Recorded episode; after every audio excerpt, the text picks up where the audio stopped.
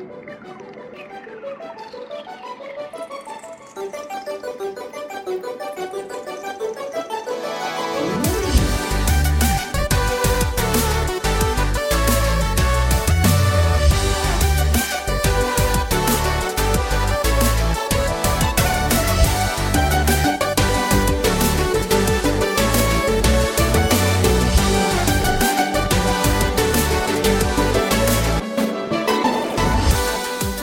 Hjertelig velkommen tilbake til Sjangershow, Sidequest-serien, der hvor jeg sammen med en gjest går gjennom alle de ulike spillsjangrene som finnes der ute, trekker fram noen historiske høydepunkter, snakker med en entusiast i den nevnte sjangeren. Det stemmer.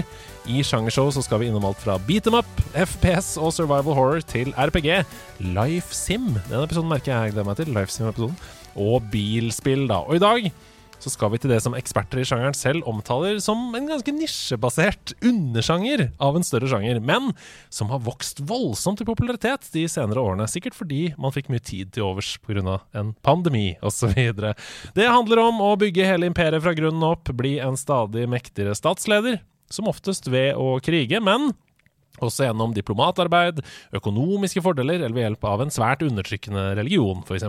Vi snakker om undersjangeren av strategispill, bedre kjent som grand strategy. Jeg dyppa så vidt tåa ned i den sjangeren her i fjor, fordi vi hadde et prosjekt i nederlandslaget om å spille spill i en sjanger vi aldri tok i til vanlig, og da sjekka jeg ut Stellaris. Eh, med andre ord så er ikke jeg så veldig kvalifisert til å snakke noe særlig om grand strategy. Og derfor er jeg sjeleglad for at jeg har med meg en enorm entusiast på sjangeren som kan lære både meg og dere om sjangerens mange fasetter, for her snakker vi tusenvis av timer. Ta vel imot Stortingets største nerd, Grunde Almeland. God dag, god dag, god dag. Veldig godt å være tilbake. Ja, du hadde, du hadde to peace-tegn i luften da jeg introduserte deg som Stortingets største nerd. Ja, men altså, det mener jeg jo uh, at jeg etter hvert må kunne bevise at jeg er, da. Men, ja, du eh, har plakett på kontoret. Ja, men der står det nest største. Ja, men det har vi strøket. Ja, det har vi strøket. Det var bare pga. en musikkonkurranse som Ja, Freddy Øvstegård, go home. Men Eh, jeg har ett spørsmål til deg. Skal du virkelig gå gjennom absolutt alle sjangere i dette sjangershowet? Ja. Fordi Hvis vi legger oss på denne graden av nisje innenfor sjangerne, så er vi eh, ja. Er det mange episoder meg? Ja, jeg, jeg, sa bilspill, og med en gang jeg sa bilspill, så angra jeg. For vi må selvfølgelig dele inn i simulatorbilspill, arkadebilspill, vi må dele inn i Formel 1, som er en egen sjanger. Altså, Jeg har ingen forhold til bilspill, men etter å ha hørt på deg snakke om bilspill i nederlandslaget, så har jeg også skjønt at det er forskjell på om hvilken, eh, hvilken eh, videospillverden denne bilen kjører i. Mm. Definitivt. Og entusiaster der ute vil jo uh, spike deg til korset hvis du ikke holder tunga rett i munnen når du snakker om bilspill. Ja, Det er problemet med verden. Det er alltid noen som vil spikre deg til et kors. Apropos det, er du litt sliten om dagen? Det har vært mye spikring? Ja, det har vært, det har vært mye I hvert fall grilling er det journalistene ja. driver og, og forteller at vi driver med på denne kontrollkomiteen på Stortinget nå. Som, rett, altså rett før vi trykka på rec her, så fortalte du at du hadde snittet på 400 medieoppslag i måneden de ja. siste månedene? Altså Det sier eh, altså, mindre om meg, og egentlig mer om hvor stor interesse det har vært for denne saken. Så ja. jeg tror eh, jeg ja, Det har jo vært den største saken i høst i norske medier, og jeg sitter med ansvar for den. Så derfor uh, kjenner jeg at jeg, jeg, begynner å glede meg veldig til juleferie. Og så er det utrolig deilig å komme inn her og få litt sånn pusterom i hverdagen og snakke om eh, noe som bare er gøy. Eh, der de konsekvensene feil får, ja. det er i form av ja, f.eks. endringer i dynastirekkefølgen i et spill. for eksempel. Eller at du får uh, entusiastiske meldinger i innboksen din som sier sånn Du, det var faktisk ikke Crusader Kings 3, det. Det var Crusader Kings 4. Det var sånn. Uh, det er det verste som kan skje. Ja, nei, vi er ikke klar for Crusader Kings 4 ennå. Dette er det første, det første lærdommen i denne episoden. Altså, vi er litt opptatt av, det, av disse tallene, og at de blir ja. riktige. Og det, det, er man jo i alle spill. Men i Grand Strategy så er det noe av det spesielle med sjangeren er at spillene holder veldig lenge. Ja. Sånn at uh, et spill som, som som kom ut i, for et par år siden, som er mm. Crusader Kings 3, mm. vil holde i veldig veldig mange år framover før mm. vi begynner å snakke om Crusader Kings 4. Altså da Fortsatt aktuelt i 2025, Crusader Kings 3. Altså, eh, Fortsatt aktuelt i 2030. det er bra. Du, vi, vi, eh, skal aller først gå gjennom definisjonen på denne undersjangeren. Så skal vi snakke litt om historien. Og så har jeg valgt ut fem spill som om ikke definerer sjangeren, så i hvert fall gjør den forståelig for den som hører på. Um, sånn at dere kan si ah, så det er dette som er grand strategy-spill, når dere har hørt. Um, og der, der, der, er det du som er eksperten. Så det ser jeg veldig fram til. Gleder meg til det. Men først til definisjonen. Og eh, jeg har eh, gjort min research, jeg har jobbet med dette i forkant. Grand strategy det er en undersjanger av strategispill. Det handler om å ta kontroll over en stat, en stamme eller lignende. Altså en gruppe, da. Uh, det trenger ikke å være et land, men som oftest et land. Uh, la oss kalle det et land, sånn at vi holder det forståelig. Du tar kontroll over et land, så leder du utviklingen av dette landet. Og Selv om noen mekanikker varierer internt i sjangeren, så har jeg plukket ut tre hovedelementer som alltid er nødt til å være til stede for at man skal kunne kalle det et grand strategy-spill. Og Så får du si da om du er enig eller uenig. Mm -hmm. Og det første er krigføring. Ja, det er det typiske. Og liksom Jeg tror de fleste av grand strategy-spill som folk uh, har en uh, relasjon til, så er det jo liksom krigen som gjerne har vært hovedgreien med det. Mm. Så det, det, blir kanskje litt utfordret nå liksom de mer nyere spillene, sånn som mm. Victoria 3, men krigselementet er alltid til stede. Mm. Jeg tenker den beste liksom, linjen for å forstå hva sjangeren handler om, det er å gå til brettspillverden. Mm. Jeg tror vi alle har spilt Risk. Mm. Ja, Det er egentlig et typisk uh, i virkelig verden grand strategy-spill. Mm. Jeg kommer dit. For krigføring det er ofte en abstrakt øvelse i grand strategy-spill. Uh, først og fremst så er det fokusert på strategien i forkant. Uh, selve kampen løses gjerne gjennom tall. Altså at du får beskjed om hvordan kampene går, og hvordan det gikk etterpå. Når du oppsummerer liksom av det som har skjedd. Det er ikke alltid sånn. I Total War-serien for eksempel, så har kampene mye mer sånn detaljstyring underveis. Men mye av jobben er jo å sette opp krigføringen. Eh, er du enig i det? Ja, det er helt riktig. Eh, hvis du, Det som kanskje flere relaterer til, er jo eh, liksom fotballspill. Fifa eller eh, Football Manager. Sant? Og det er kanskje også litt forskjell. Ja. Det er fotballspill, men det, i Fifa så spiller du aktivt kampene selv. Men i ja. Football Manager så er du mest opptatt av tallene og forberedelsene i bakgrunnen. Jeg, eh, På grunn av det du sier nå, så kalte jeg en del Grand Strategy Games for autobattlere i nederlandslaget og fikk veldig kjeft. fikk veldig kjeft. For her er det mennesker som har lagt mye tid i å flanke Total War, som sier 'Dette er ikke noe autobattler, min venn'. Men ja, eh, det, første, det var det første elementet. Det andre hovedelementet, det er kontroll på ressurser og økonomi. Eller det som på engelsk kalles da resource management. Er du enig? Ja. ja. Det er det. Men um, dette det som kanskje er verdt å merke seg, da, er at den kontrollen du har, er jo mer på et sånt overordnet plan. Mm den er sjelden på det der eh, gå og hogg det treet. Sånn, Age of Empires er jo et uh, eh, RTS, altså real time strategy-spill, mm. der du aktivt styrer en arbeider til å gå og hogge et tre for å få litt flere, mer ved, så du kan bygge et uh, skur, eller hva det nå man vil mm. bygge. Mm. Ja, ja. Men uh, det er ikke den type mikromanagement man driver med i, i et gun strategy, da, typisk. Nei, mye større linjer. dette her, det som vi snakker om nå, det er alltid til stede i alle grand strategy-spill, og det er helt avgjørende. F.eks.: Hvordan skal du finansiere krigføring? Hvordan skal du handle med andre nasjoner? Skal du bestikke noen? Skal du investere i vitenskap for å utvikle egne fagfelt istedenfor å importere varer, f.eks.? Eh, og så koster det jo penger å lønne soldater. Så har du egentlig råd til å gå til krig, f.eks.? Det tredje elementet som alltid er til stede, det er, eh, og dette er veldig pent sagt, internasjonale relasjoner og diplomati. Ja, dette er jo veldig gøy. Og det er jo, men det også varierer jo litt stort. Altså, nå jeg kan bare begynne med å innrømme det. sant? Det de strategispillene jeg sverger til, er jo Paradox sine grand mm. strategy-spill. Mm. Eh, og det er jo en litt annen motor, litt annen måte å bygge det opp på enn de, eh, den andre store serien som er eh, Total War-spillene. Mm. mm. Eh, og der diplomati er jo en vesentlig del av spillene. Og så varierer det også litt i de ulike spillene hvor stor grad man legger vekt på det. Mm.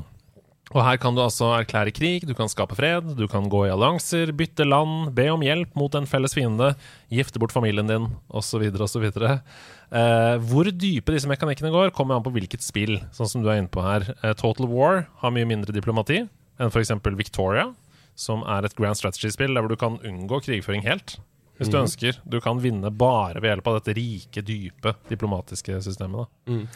Det er helt riktig. Du kan for så vidt det også når du sier det. tenker jeg sånn, du, Hadde vært gøy å prøve å spille gjennom en Crusaders Kings-omgang og ikke gå til krig? Mm. Eh, og bare drive med sånn diplomatisk vesselization. Det er litt mer krevende. Men, uh, men uh, ja. Det kan gå. Så vil jeg også legge til da, at uh, dette her er jo ikke på noen som helst måte sjangeren for den utålmodige Leroy Jenkins, som bare har lyst til å beine inn og, og vinne med en gang. For en liten feil, dette kan du sikkert skrive under på, en utålmodig handling kan velte et helt imperie med en dominoeffekt. Ja, altså Det typiske er jo at uh, alle små avgjørelser betyr noe.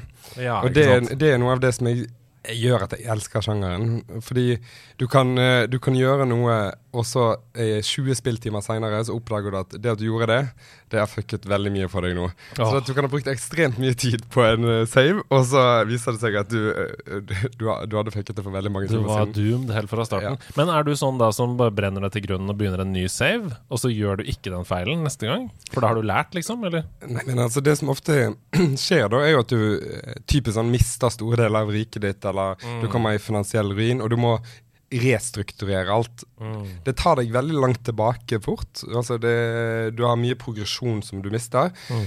Men eh, det er fullt mulig å restrukturere. Og jeg syns noe av det er det som også er gøy da med spillene. At det er nettopp hele det arbeidet med å skjønne ok, jeg har gjort en feil. For de gjør jo feilvurderinger mm. i løpet av en spill. Ja, Men hvordan fikser du det? Og det er jo noe av det liksom gøy. Men det er helt riktig. det er ikke Altså Hvis du har mest lyst til å løpe inn i et hus og blæste alle som er der, så er det ikke dette din sjanger. Nei. Så jeg, jeg, kan liksom se for meg at eh, Stian, Stian ikke kanskje sitter, eh, tenker at Vet du hva, etter denne episoden, nå skal jeg sette meg inn i Europa Universalis. Nei. Nei, men eh, det er interessant det du sier der. Det er jo uh, Camilla, min kone, er jo veldig Grunnen til at jeg nevnte det med å begynne på nytt igjen, er fordi hun er sånn.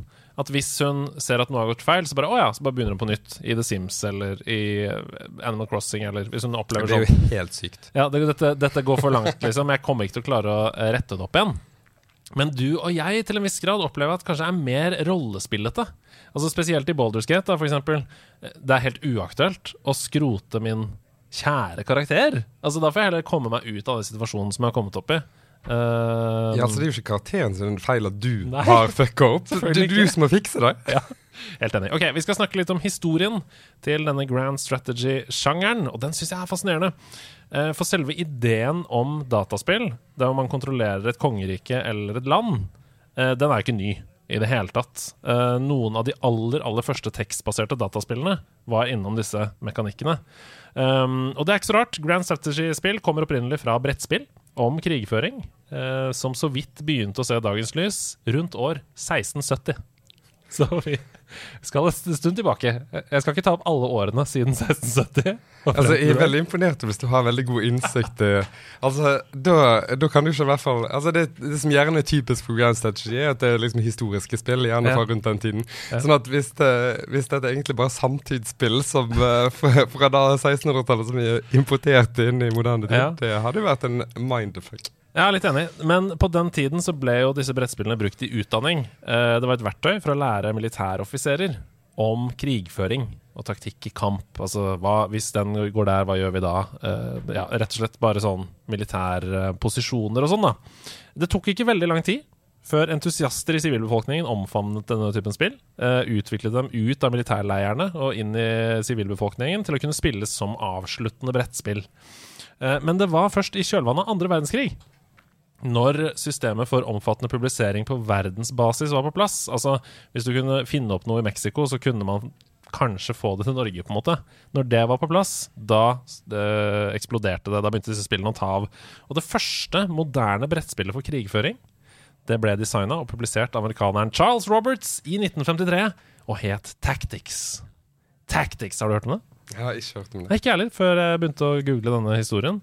Eh, det førte til en oppblomstring av lignende spill men det var ikke før den franske regissøren Albert Lamouris, Albert Lamouris i 1957 designet spillet La Conquête du Monde, eller The Conquest of the World, at det tok fullstendig av. Uh, rettighetene til dette spillet ble kjøpt av Parker Brothers, modifisert og gitt ut på nytt i 1959 under navnet Risk. Ja.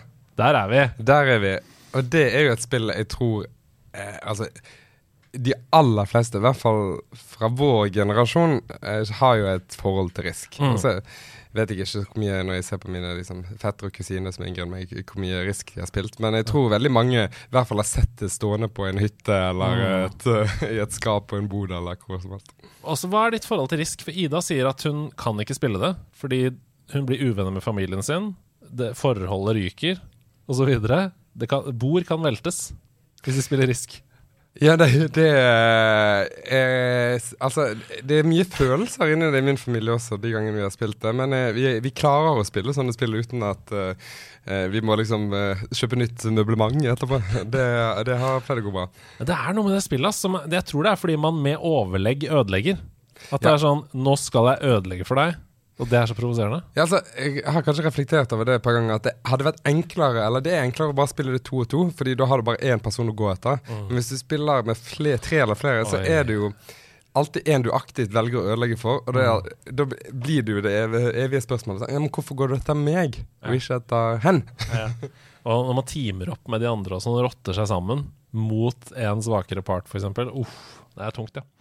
Altså Nå handler jo denne episoden først og fremst om dataspill, uh, så vi hopper fram til det som historien definerer som det aller, aller første Grand Strategy-spillet, nemlig Geopolitikk 1990. Uh, det er et tekstbasert strategispill. Hvor du spiller som, styr, som uh, USA. Du styrer USA i en hypotetisk kamp mot USSR, Sovjet. Eh, det er tungt. Ja, altså, En klassisk uh, spilltematikk. Ja, klassisk. Og poenget her er da Og dette syns jeg er veldig fascinerende og litt sånn framme i skoen, for poenget er å vinne hjertene og hjernene til resten av verden. Ved å vinne økonomiske, politiske og militære avtaler i andre land rundt omkring i verden, altså allies, da. Sånn at de, eh, de aller fleste blir med på USA sitt lag mot USSR. Ja. Og du spiller mot en ganske avansert i den tiden å være AI, som gjør trekk på vegne av USSR mot deg, da. Mm. Uh, så det er hele tiden sånn Hvis du ser at de går for Kongo, så er det sånn ah, shit, Hva skal jeg gjøre nå? Nå går de for Kongo! De motiverer lokalbefolkningen til å heie på USSR. Nei, men altså, dette høres jo Altså, Jeg skjønner jo hvorfor dette ble definerende for en ny sjanger. Fordi dette er jo en helt annen måte å tenke, eh, tenke spill på. At det er alle disse eh, andre faktorene som Altså, Når vi snakker liksom om definisjonen av hva, hva spillet er, så er det eh, er det jo gjerne det at i et vanlig strategispill så har du jo direkte kontroll på ting. Altså du eh, I Civilization så kan du be en tropp flytte seg fra A til B eh, når som helst. Eh, mens i et Grand Statue Game så er det jo gjerne den, de, in, den indirekte makten du har, og Ja. de indirekte avgjørelsene du tar, som du da håper at eh, maskinen, altså AI-en, eller Ja. befolkningen da ute i de ulike landene Er det det du kaller stemmeren, velgerne? eh, Det Maskinen! Kunstig intelligens. Nei, uff. Men uh, uh, det er jo liksom det, Rett og slett at, uh, at de avgjørelsene du tar, Mm. selv om du ikke beordrer noen til å gjøre noe, så håper du at det skal motivere dem til å gjøre det. Sånn at Ja. Det er jo liksom Det er hele tanken også bak, og jeg mener det er noe som er sjangerdefinerende. da I hvert fall hvis du sammenligner med en annen subsjanger under strategispill. Og det er veldig interessant at du sier, for nå er vi jo i 1990. Men i 1991 så kommer en annen spillserie som drar folk inn i strategisjangeren og baner vei for en rekke andre. Det er Civilization, som du nevnte så vidt. Men det er en grunn til at vi ikke tar det med her. Hvorfor det? Ja, nei, eh, Det er jo blant annet av det jeg akkurat sa, eh, at det er, du har mye mer direkte kontroll. Jeg må bare si Civilization. Jeg tror jeg også har snakket om det i en episode tidligere. Det er jo et av mine favorittspill.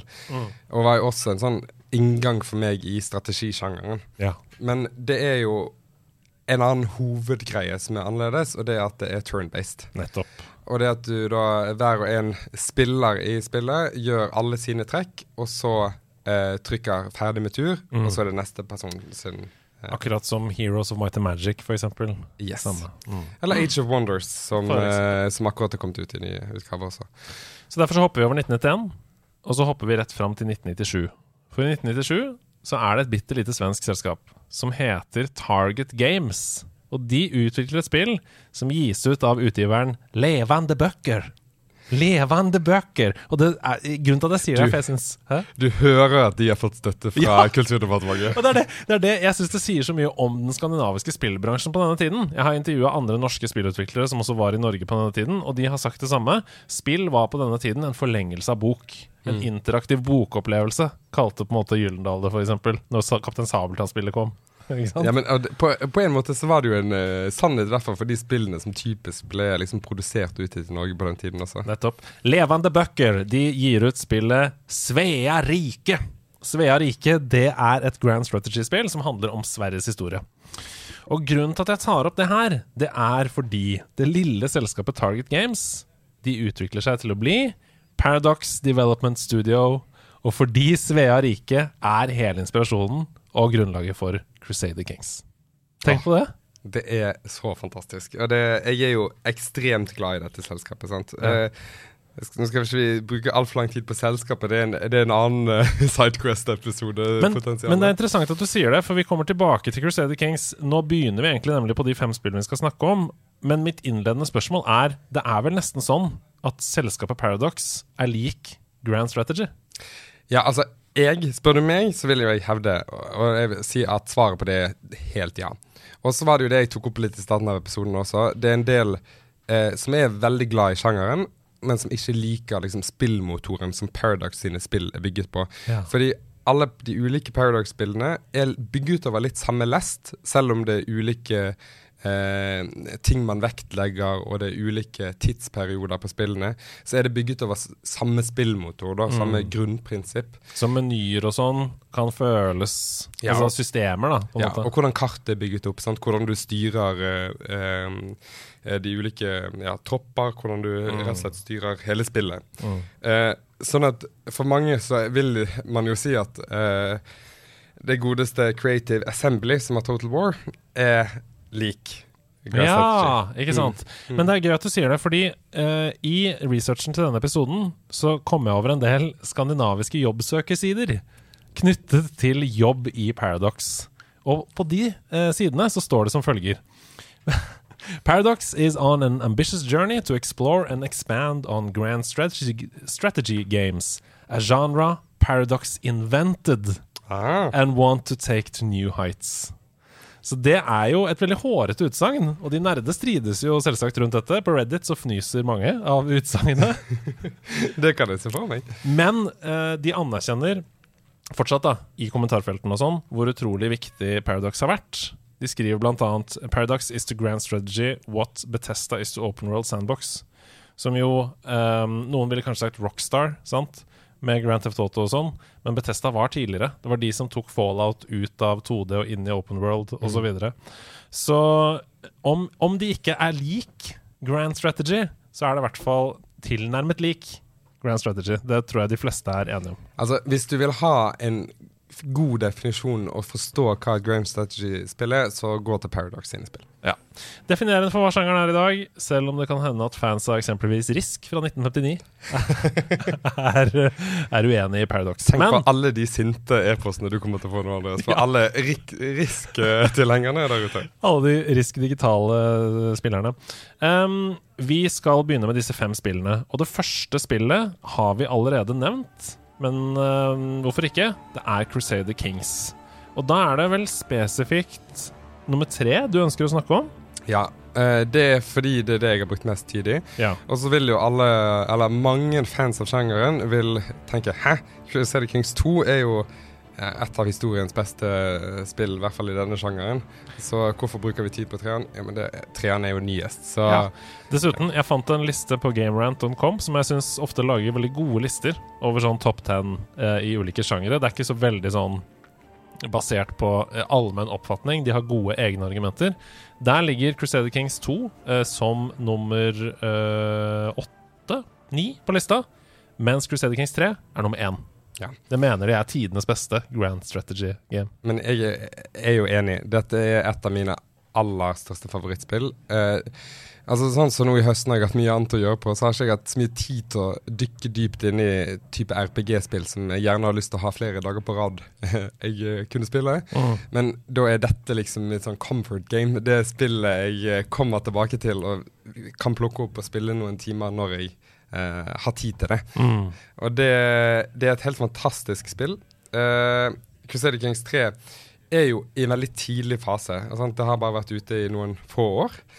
Eh, dette her, ja, men dette her Nå skal jeg forklare deg hvorfor. Dere Grand Strategy-fans, dere har bedre tid ja, men det, Vi har bedre tid. Men fordi hele eh, spill, hvert eneste spill, grunnen til at de varer så lenge, mm. er fordi at det kommer helt utrolig mange utvidelsespakker. Ja. Og de utvidelsespakkene skaper nye dybde til de ulike spillene. Mm. Altså Europa Universalis som eh, fire, som mm. er det eh, for den spillserien, Europa Universalis-serien, det nyeste spillet, så har det vært ute i ganske mange år. Ja. Men det kommer fortsatt utvidelsespakker til spillet. Ikke sant. Og det er jo opp til deg som spiller å velge hvilke utvidelsespakker du bruker, men samlet sett så gir jo de utvidelsespakkene en veldig dybde i spillet. Gjør det veldig avansert. Gjør ja. det veldig mulig å dykke inn i ulike ja, mekanikker og virkelig utfordre deg sjøl. Og det tar tid å utvikle disse delseerne. Og så er det en annen fordel Grand Strategy-spillene har. Det at de er ikke så avhengig av liksom, den type grafikk mm. eh, som og, og de, den type kjørbarhet som en del ja. andre liksom, type RPG-spill andre spill vil ha. da. Så sånn det kan de, være ganske tidløst, egentlig? Du kan plukke ja, det, det, opp uh, når som helst? Ja. Det er like gøy å spille Europa Universalis i dag, selv om det nå er, er over ti år gammelt. Ja, det er det sikkert. Ja, sant? Så, det, så det, det, er like, det, er like, spennende å gå inn i det, mm. fordi mekanikken rundt og grafikken funker helt fint. Mm. Og så må jeg si at Crusader Kings 3, som vi nå er, det er egentlig det vi snakker om, mm. er jo et fantastisk pent spill også å se på. I hvert fall i denne sjangeren. Jeg er enig. Jeg, synes, uh, jeg har jo sett litt på det på stream. For det finnes mange spillere på nederlandslaget som er glad i den typen spill. Og så har jeg også sett på skjermbilder knytta til dette. Da. Og det virker jo veldig egentlig oversiktlig, innbydende og pent å se på. Ja, altså Hvis du aldri har spilt et grand strategy-spill, så mener jeg Crusader Kings 3 er det beste grand strategy-spillet å begynne med. Mm. Fordi der, det er et klassisk uh, uh, Grand Strategy, men det har også ganske tydelige RPG-elementer. Sånn at det er lettere å leve seg inn i, lettere å sette seg inn i. Og så er spillmekanikken mye enklere å forstå sammenlignet med f.eks. Europa Universalis eller også Victoria 3, mener jeg. Men det er satt i middelalderen? Ja. Uh, det er satt Du kan velge om du vil begynne i år 867 eller 1066, mm. og så slutter alltid spillet i 1453. Ja, Så det, kom, det, litt, det kommer litt an på lengden, da, egentlig. Hvor mange år du vil spille. Ja, altså, det er jo en annen sånn sjangerdefinerende ting. Ja. Og det er jo at Grand Strategy har ikke type Quest eller Missions på samme måte som andre spiller. Sånn mm. at det er mye større grad du som setter dine egne mål. Mm. Så du, du, har jo achievements på Steam, eksempel, mm. som du uh, eller, Og i spillet som uh, du kan jobbe for å, å oppnå. Mm. Men spillet slutter jo aldri Uh, det eneste måten spillet slutter på, er at, uh, at uh, året blir 1453. Ja, ikke sant. Så dette er det, Ja. Det, den store jobben for, er jo å klare å finne ut hva er målet ditt, hva du har lyst til å oppnå, og så avslutte og begynne på et nytt save. Ja, ikke sant. Men jeg, hadde, jeg satt i går kveld og bare skulle spille litt for å avslutte en save. Mm. Også litt for å forberede meg til i dag. Men da eh, hadde jeg bare tenkt å gjøre en achievement eh, som jeg ikke har gjort før. Og så krevde den at jeg liksom splittet litt opp på, på riket mitt. Og så var det så gøy Så var det så fryktelig gøy å bare eh, spille videre at eh, jeg ble bare sittende hele kvelden og fortsette på den saven jeg hadde tenkt å avslutte. Mm. Og det er litt sånn typisk for å spille. Ja, ja, ja. Hva er det som skiller Crusader Kings fra andre Grand Strategy-spill? Det kommer jeg til å spørre om på alle her. Altså. Crusader Kings, eh, bare for å ta det, da. Hoved eh, På en måte det, det, de vektlegger sterkest av strategielementer, er relasjonene mellom folk i Crusader Kings. Mm. Enkelt forklart. Det vil si at det er dynastiet ditt som er sentralt, og det er dynastiet du skal bygge. Du, velg, du starter enten med å velge en karakter som eh, eksisterer i verden. Mm. Altså dette er jo den ekte verden, mm. til forskjell fra en oppdiktet verden, selvfølgelig. Ja, ja, ja, men, uh, men uh, Eller du kan lage din egen karakter som du setter inn i verden. Og så er det den karakteren og måten du utvikler familie og familierelasjoner og eh, får barn på og mm. barnebarn på og ja, rett og slett uh, lager ditt eget dynasti, da, mm. som er definerende. Så har du alle disse andre strategielementene som spiller med, med økonomisk styring og tar over uh, de ulike deler av verden. Ja, det, ja. Ja, for jeg så noen på, på, Twitch som var sånn Nå skal jeg gifte bort datteren min til kongen av uh, Frankrike. Altså et eller annet sånn Da, ja, det er veldig lurt grep. Fordi da får du en sterk alliert som kan sørge for at du uh, eh, kan eh, få hjelp hvis du går til angrep eller kriger andre, eller sørge for at andre ikke syns det er like attraktivt å angripe deg. Da. Men med mindre, da, hvis du gjør det på et tidspunkt der eh, kongen i England ypper seg veldig mm. over kongen i Frankrike, for da kan du plutselig bli involvert i en krig. Ja, det, det, vet du ikke. Ja, det er spesielt uheldig. Europa Universalis går ofte litt bedre. La oss hoppe rett dit. Europa Universalis. Ja. Du sa fire i stad. Jeg har bare skrevet serien her. Fordi um, det er litt opp til deg hvor vi lander. Oh, nei, altså Det er Europa Universalis 4 jeg har brukt mest tid på. Mest mm. fordi, som du skjønner, det har vært halve levetiden min. holdt jeg på å si. Ja, ja, ja. nei da, ikke, jeg er faktisk litt eldre enn som så. Men, uh, men uh, det er jo et spill som i større grad da eh, fokuserer på økonomisk oppbygging, og har det som et kanskje mer sentralt element. Du har fortsatt personer som leder land, men du har ikke den dynastioppbyggingen du har i Dark Crusader Kings. Europa Universalis det starter i 1444, og det slutter i 1821. Mm. Uh, og der Crusader Kings 3 er Europa og Asia og Nord-Afrika, Midtøsten. Mm. Um, så, altså hovedsakelig Sentral-Asia, mm -hmm. ikke Øst-Asia. Så uh, er Europa Universalis 4 hele verden. Ja. Så da eh, har du mulighet til å sørge for å drive litt sånn kolonisering. Drive litt med slavehandel, det har jeg snakket ja. om i en episode mm, før. Mm, mm. og det, det, eh, det, tar for seg hele liksom, kolonitidens storhetstid. Ja, for jeg ser her det står at uh, this game allows players to reshape global history. Mm. Og det er jo veldig interessant. Ja, og det som er gøy med alle disse, eller begge disse spillene, er jo at det er faktiske land sant, og faktiske mm. historisk riktige Eh, inndelinger, stort sett, eh, på hvordan verden er satt opp. Og du styrer jo eh, dette på veldig sånn mikronivå. Du har et county som er i et duchy, som er i et land, mm. som er i et empire. Og så kan du bygge og forme dette som du vil, da. Alt dette sånn. Ja, Det ligger på tredjeplass på denne GameRant-lista som jeg var oppe med i stad. Så det er jo åpenbart et spill som de setter stor pris på. Ja, så Det er veldig mye dedikerte spillere. Det var eh, Og folk bruker mange timer i dette spillet. Jeg, mm. Det var på et tidspunkt at eh, det ble lekket på Reddit hvor ja. mange timer jeg hadde spilt Crusader Kings 3. Ja, stemmer det! Det har jeg sett! Ja, uh, Så det går an å finne på Reddit, folkens. Det, jeg, for det første aner jeg ikke hvem som har klart å finne det på Steam-profilen min og legge det ut. Og hatt lyst til å legge det ut på Reddit, men det er noen som har gjort det. Jeg syns det er kjempekoselig, fordi det, uh, jeg så hele den tråden, og det var en veldig sånn one of us, one of ja. us-stemning. Det, det, var veldig hyggelig med alle de, og så var det noen som sa Those are rookie numbers. Ahoy, wow. så det var, og da hadde jeg noen, noen, få hundre timer. Jeg har spilt noen flere hundre timer siden den gangen. Bare for å si. ja. Nei, det syns jeg ikke er rookie numbers i det hele tatt. Uh, I Grand Strategy så er det Altså, en save tar fort en 100 timer. 100. Wow, tenk på det. Ja, men det er jo ikke så rart. Altså, store rollespill gjør jo gjerne det.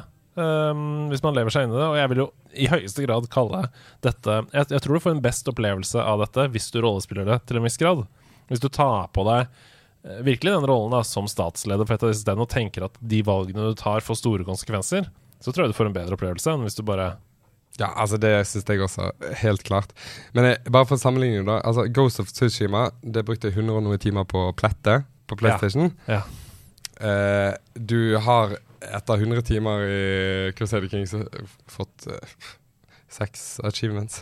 det er fantastisk. OK, vi går videre til Total War. Uh, og det har du ikke spilt så mye? Den serien? Du, jeg har ikke spilt det. Nei. Jeg har, jeg har kjennskap til det bare gjennom YouTube-filmer ja. og sånt.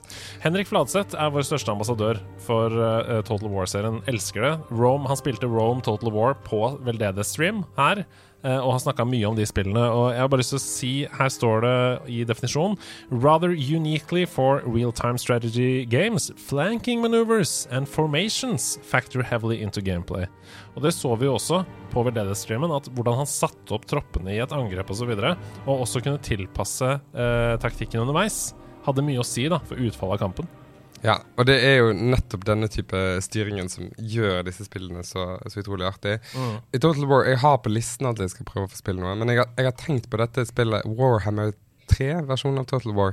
Fordi der blander du en del av disse liksom fantasy RPG-elementene og et univers som jeg også er nysgjerrig på. Så hvis du øh, Hvis jeg Ja, jeg tror det er det spillet jeg skal prøve meg på. Da kan jeg liksom slå to fluer i en smekk på ting jeg har lyst til å dyppetere ned i.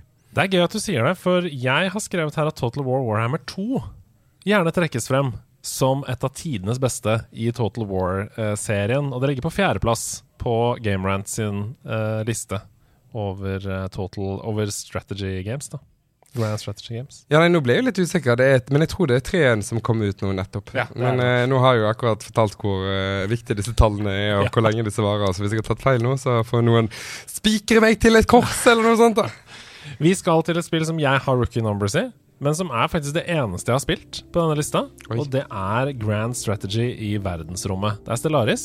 Ja. Og jeg ble jo veldig imponert og fascinert av Stellaris da jeg spilte det. Eh, det er fortsatt samme selskap, Paradox dette også.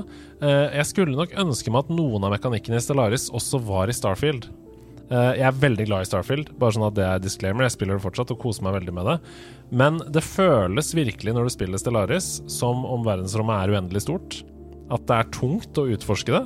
eh, men at alle svarene ligger der ute. Hvis du bare søker nok. Um, det er liksom Stellaris er fortsatt, du har vært inne på det allerede, men et høyst levende spill. Selv om det begynner å dra på åra. Eh, de fikk en ny historiedreven delelse som het Astral Planes 16.11. i år. Hvor mye har du spilt Stellaris? Eh, 20 timer. Ja, men det er sånn som meg. ja, så det er Eh, veldig, uh, lite, veldig lite, i hvert fall hvis du sammenligner med de to andre. Hva er ditt inntrykk av det? Hva syns du om det? Altså, jeg Det er jo bygget over Uh, igjen mye av det med de samme mekanikkene, mye samme spillmotor. Det er selvsagt ganske annerledes nettopp fordi du ikke har verdenskartet. Mm. Så du forholder deg til et litt ja, bokstavelig talt et annet univers. Mm. men eh, men eh, mye av eh, tankegangen bak det er jo veldig Hvis du har kun spilt det, så ligner det veldig mye på det. Men et, veldig mye på de andre liksom, tankene om hvordan du skal drive grand strategy-spillene til Paradox.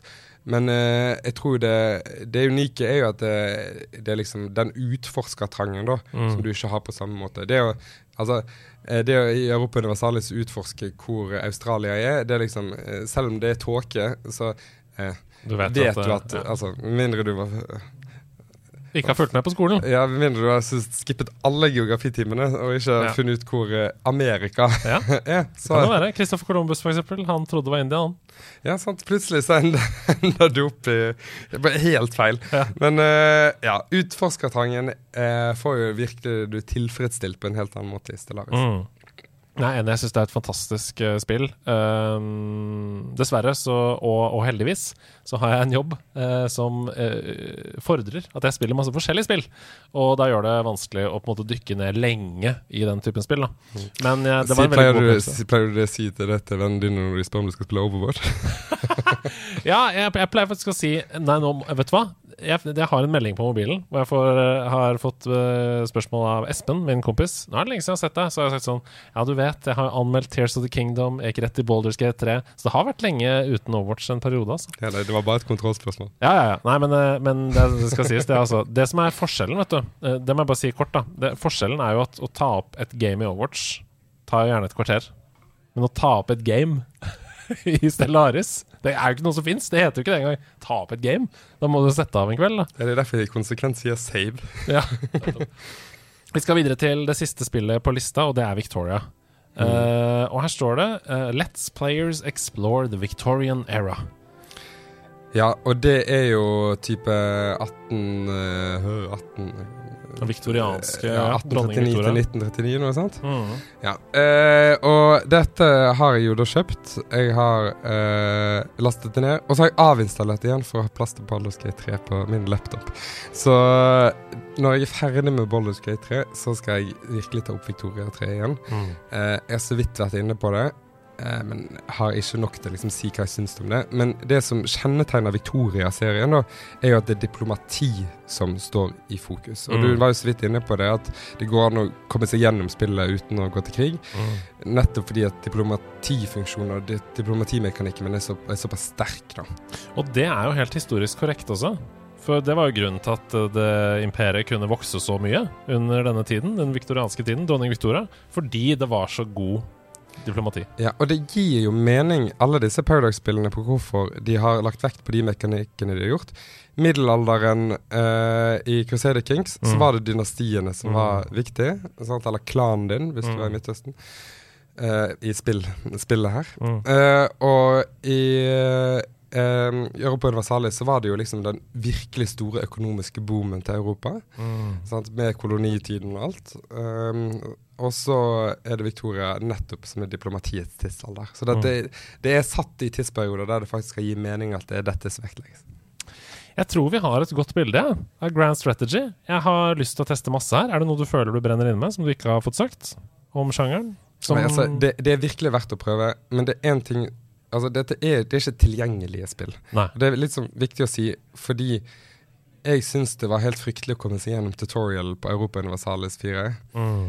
Fordi det er så langdrygt å gå gjennom den tutorialen. Masse eh, bokser å klikke vekk og sånne ting. Ja, mm. og så er det så vanskelig å forstå. Men liksom, hvis man bare klarer å tenke det, at dette er et spill der du kommer selv etter 600 timer til å lære nye ting. Ja, og du kommer og til å feile, mindsetet, ja. Og det, det, er nettopp det. Sant? Min første save på Europa Universalis, så gikk jeg i total økonomisk ruin og klarte liksom eh, Jeg klarte ikke gjøre noe som helst, og satt mm. i en time og liksom frustrerte meg, fordi det gikk ikke an å jeg kunne ikke annet, uh, gjøre annet enn å bare se på at tiden gikk. Mm. Og det er rett og slett uh, pga. hvilke feil du gjør helt i starten. Så ta det, liksom, ta det litt med det, og så lover jeg deg at det er kjempeengasjerende. Og begynn gjerne med Crusader Kings 3. Da lover jeg at uh, det er i hvert fall størst sjanse for at du skal like det. Og så bare huske det at hvis du sitter der og frustrerer deg og lurer på hvorfor du ikke får penger, dette er litt sånn hot tips på slutten. Ja, kjempebra. Hvis du ikke får penger, så er det fordi du sannsynligvis ikke har noe sted å få penger fra. Du må bygge bygninger til å få penger som gir deg penger, eller du må